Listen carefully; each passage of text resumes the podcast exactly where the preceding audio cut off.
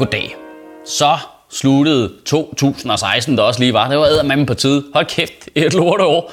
Og så, så krassede alle de store musikere bare af. Så er vi bare fucking døde. Der må alligevel have været nogle dage her i slutningen af 2016, hvor Keith Richards og Bob Dylan har siddet sådan lidt, okay, jeg tør ikke gå nogen vejen, fordi det er alt for risikabelt. David Bowie er død, mand. George Michael, Prince, Leonard Cohen, men Brian Adams stadigvæk i live. Altså, hvis ikke det er det endegyldige bevis for, at Gud ikke eksisterer, så ved jeg kraftedeme ikke, hvad der skal til. Altså, Princess Leia fra Star Wars er død. Det, det, det siger simpelthen så meget om 2016. Hvor hun var sexslave hos Jabba the Hutt, og det overlevede hun. Trump bliver præsident, så fuck, det kan jeg klare det her. Det, det er for meget.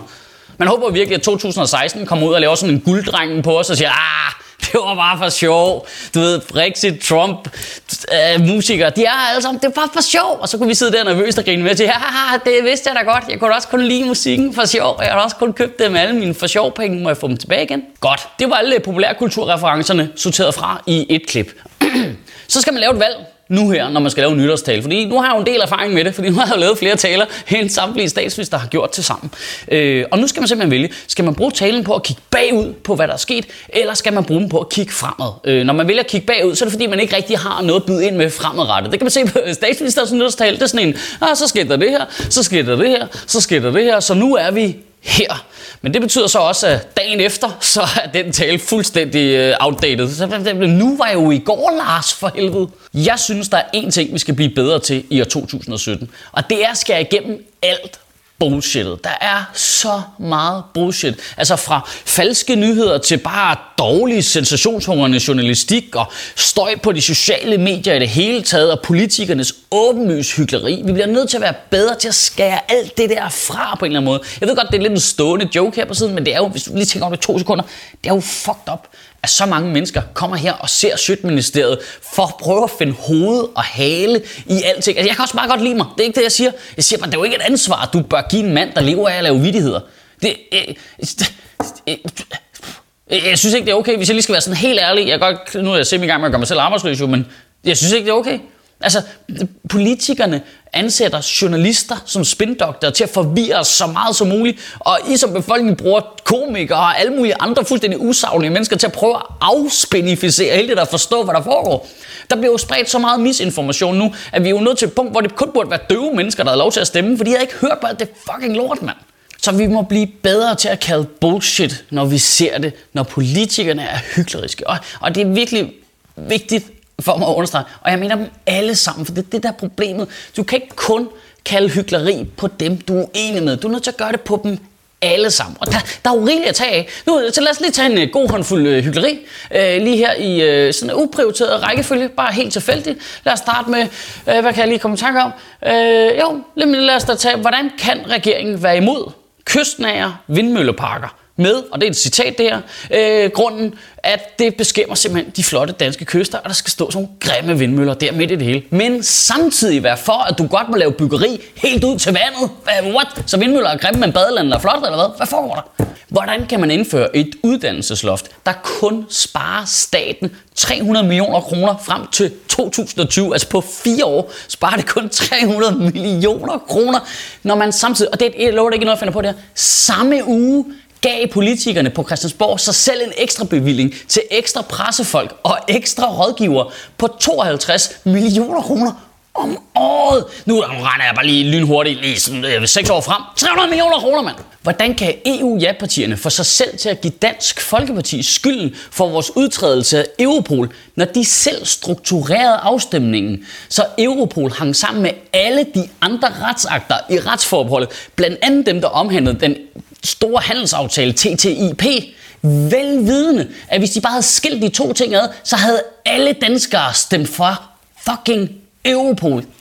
Giant idiots! Uh, her er en anden en også. Hvis det skal være så svært at blive dansk statsborger, fordi det er så specielt at være dansk statsborger. Det er noget helt særligt. Det er noget privilegeret. Det er ikke for alle. Det er en meget særlig status, du har som dansk statsborger. Hvordan kan det så være, hvis du har været dansk statsborger, der har boet 20 minutter i udlandet, så når du kommer hjem igen, så er du på fucking integrationsydelse? Her er noget mærkeligt hyggeleri. Hvorfor adapterer den yderste højrefløj den politisk korrekthed, som de hader så meget ved den yderste venstrefløj? Det er så ordentligt. Det var det eneste, de havde kørende for sig. Det var det eneste, man så godt kunne lide ved nederste højfløj. Det var, for det var, i det mindste, så er de ikke så politisk korrekte. Men i det sekund, man siger, at Måns Kammer, han var da en kæmpe stor racist, var, så siger uh, oh, det må man faktisk ikke sige. Det, ha, det, han var bare øh, øh, indvandrerkritisk. Ah, nej, prøv at stoppe nu lige to sekunder. Han sagde, at muslimer var en kraftsygdom i Europa. Det er det mest sindssygt racistiske, jeg nogensinde har hørt noget menneske sige. Nogensinde. Det var det, man elskede Dansk Folkeparti for. Det var det, det var det man sagde, en spade, det er en spade. Ja, og Måns Kammer er en fucking spade. Nej, nej, han var faktisk bare øh, jordopgravningsinteresseret. Nej, han var en fucking spade. Hvordan kan politikere i ramme alvor stå og sige, at vores værdier er under pres, vi skal gå til meget store længder for at forsvare vores værdier, samtidig med, at de vil have, at vi skal melde os ud af menneskerettighederne, som er vores værdier. Når man hører nogle af vores politikere snakke, så får de det til at lyde som om, at vi kan forsvare vores humanisme ved at gå på kompromis med vores humanisme. Altså, spoiler alert, det kan man ikke. Det kan man ikke. Altså værdier, det er ligesom sådan en håndfuld sand. Jo hårdere du knuger om den, jo mere fiser det ud mellem fingrene på dig. Det er også, det er også klassisk politikerhyggeleri for begge fløje. Hvordan kan du påstå, at du vil forsvare og støtte op om velfærdsstaten, og samtidig skære i den? Det, det har jeg simpelthen aldrig nogensinde forstået, det der.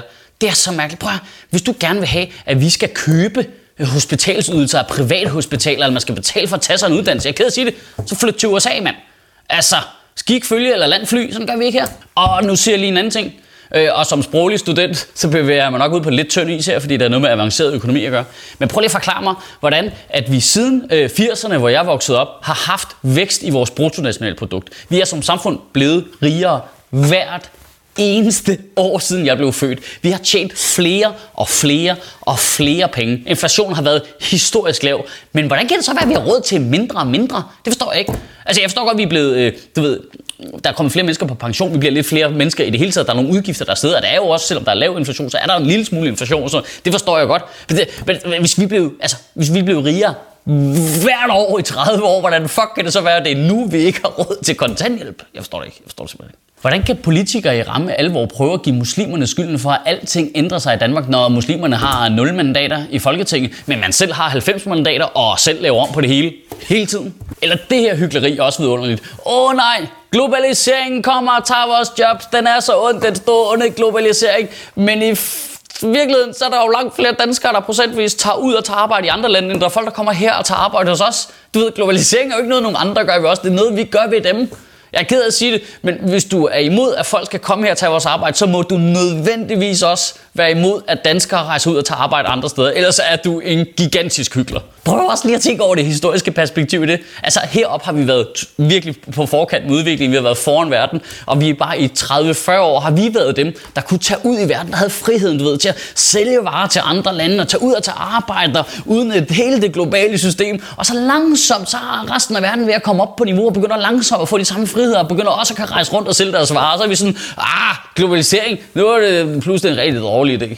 Og jeg kunne blive ved i timevis jo. Der er så meget hyggeleri og dobbeltmoral at det er helt vildt. Og det bliver vi altså nødt til at stå sammen om og skære igennem. Og når jeg siger vi, jeg kan simpelthen ikke understrege nok, så mener jeg alle os borgere i Danmark, alle os danskere på tværs af politiske holdninger og religioner og hudfarve, alle os, for vi har jo langt mere til fælles, end vi har med politikerne inde på Christiansborg.